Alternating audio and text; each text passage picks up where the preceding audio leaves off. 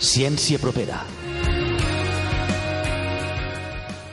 Aquest capítol de Ciència Propera el dediquem a la innovació educativa, un assumpte que preocupa molt en la Universitat Politècnica de València, centrada en donar la millor formació als seus estudiants. Som David Córdoba Bou, Carlos Ripollès i Sandra Barrancos. Comencem!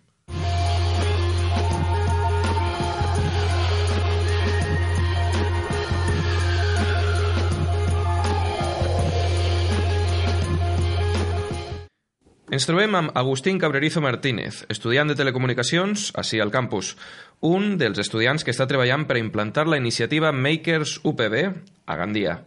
Conta'ns, eh, ¿qué es Makers UPB? Makers nace de, de, unos estudiantes que hace tres o cuatro años se presentaron a un, a un concurso en Barcelona de robótica y lo ganaron. Entonces vieron la oportunidad de crear un equipo de trabajo para que representase a la Universidad de la Universidad Politécnica de Valencia y a raíz de a raíz de ahí pues empezaron a hacer más concursos, también hicieron proyectos, etcétera. Entonces, pasados esos tres o cuatro años, eh, han querido llevar esa idea aquí al campus de Gandía y, y en ello estamos ahora mismo. ¿Y cómo va a surgir la idea de portarlo así al campus? Porque uno de los miembros fundadores de Valencia eh, vive aquí en Gandía, o sea, él es de aquí de Gandía. David y, Pistoni, ¿no? Exacto, David Pistoni. Y siempre había, había querido eh, traer ese proyecto aquí al campus porque veía mucho potencial aquí en, en el campus de, de Gandía. Com ha contestat? Com ha respost la gent del campus? ¿S'estan apuntant? ¿Están interesándose por la iniciativa? La primera reunión la tuvimos hace dos semanas que por cierto se puede ver en el, en el Facebook oficial de Meques Gandía, eh, porque la grabamos en directo, y la verdad es que vino mucha gente y la gente estuvo muy interesada y lo que más nos gustó es la, la iniciativa que tiene la gente y las ganas de implicarse con el proyecto. O sea que muy bien, la verdad. ¿Y ahora quins plans teniu? ¿Qué podemos esperar de Makers UPB así Gandía? La primera reunión oficial la hicimos la semana pasada y ahora mismo tenemos sobre la mesa distintos proyectos. El primero, aquí a nivel de campus, queremos hacer un huerto controlado que pueda controlarse por Internet, ya que lo queremos eh, informa informatizar todo, y contando con diferentes disciplinas que tiene el campus, como son eh, ciencias ambientales o como son ingeniería en telecomunicaciones, o sea, creemos que es una buena idea para juntar todas las disciplinas y hacer algo, y hacer algo en conjunto. Eso es lo primero así en el campus. Y luego a finales de abril eh, la NASA eh, todos los años realiza un concurso a nivel mundial y vamos a presentarnos conjuntamente con el equipo de, de Valencia también y vamos a, vamos a coger uno de los retos que plantea la NASA y llevarlo a cabo. Todavía no está decidido, pero lo que sí que está decidido es que lo vamos a hacer. Eso es seguro. I a nivell personal, a tu què està suposant estar integrat en Makers UPB?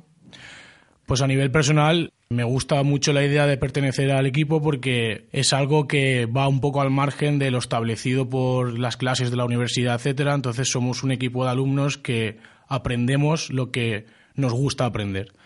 Y es la posibilidad, sobre todo, de eso, de presentarse a concursos, conocer a gente, aprender diferentes tecnologías que quizás en, el, en la universidad o en la carrera no vamos a poder aprender porque no están planificadas. Y a, ese nivel, pues claro, o sea, es un, és una satisfacció personal molt grande. Moltes gràcies per haver acompanyar-nos, us desitgem molta sort, farem un seguiment de prop de tot el que feu i, i ens continuarem veient per així. Gràcies. Muchas gracias a Moltes vosotros. gràcies.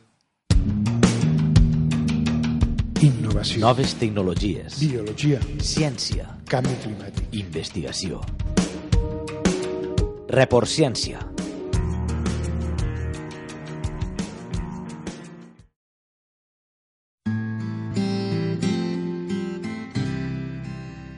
El campus de Gandia de la Universitat Politècnica de València ha acollit dijous 30 de març les quartes jornades de classe inversa UPB, que se celebren en els tres campus universitaris de la Politècnica. El vicerrector de Tecnologies de la Informació i de les Comunicacions i responsable de la iniciativa, Vicente Botti, que ha presentat la jornada a Gandia, explica que és la Flipped Classroom, o classe inversa. L'objectiu és que els alumnes tinguen material eh, multimèdia adequat per a poder estudiar en, en casa i entonces eh, que la classe presencial es dedique més a, a, a la tutorització per part del professor i que siga una, algo més eh, bidireccional entre alumnes i professors. Segons Alfonso Martínez, sotsdirector d'Alumnat i Innovació Educativa del campus de Gandia de la Universitat Politècnica de València, la Flip Classroom s'utilitzarà en 35 asignatures en el curs 2017-2018. Este proyecto institucional del Flip Teaching o clase inversa eh, se lleva realizando en la universidad desde hace dos años.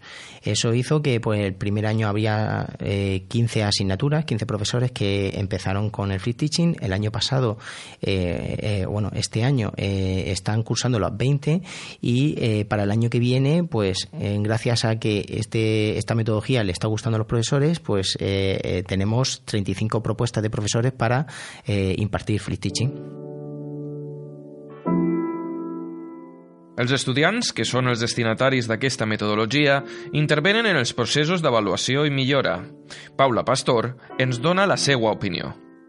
En el cas d'educació ambiental, que podria dir que és la millor que ens ha anat, ha sigut molt completa, hem vist moltes competències transversals, comunicació, eh, lideratge i molts més aspectes molt importants tant per a l'estudi com per a la vida laboral. I hem fet activitats molt, molt interessants, com per exemple un taller d'educació ambiental que van realitzar alumnes de segon de batxillerat que van visitar l'escola. Hem fet també debat molt intensos i preparats per saber argumentar. També fet textos individuals on ens han ensenyat a contraargumentar, a pensar i escriure, sobretot, expressió escrita també. I aquestes són algunes de les activitats més, més importants que hem fet. I sí que és interessant perquè uh, sí que comporta molta faena a casa, però sí que és de veres que es fa mm, més lleuger.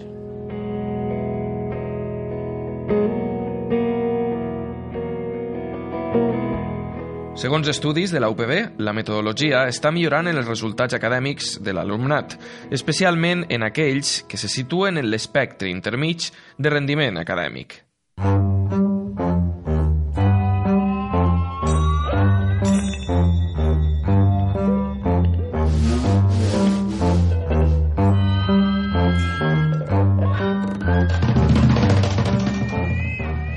Carlos, quin souvenir musical ens portes esta setmana? Esta setmana, com bé dius, us porto un souvenir, s'anomena el projecte musical Folk Souvenir, però no souvenir en el sentit d'un producte turístic, sinó en el sentit eh, francès de la paraula, que vol dir record.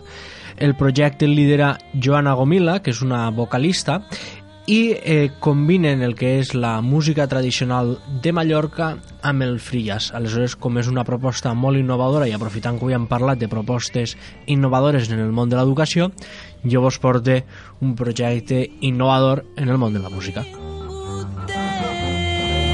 Acte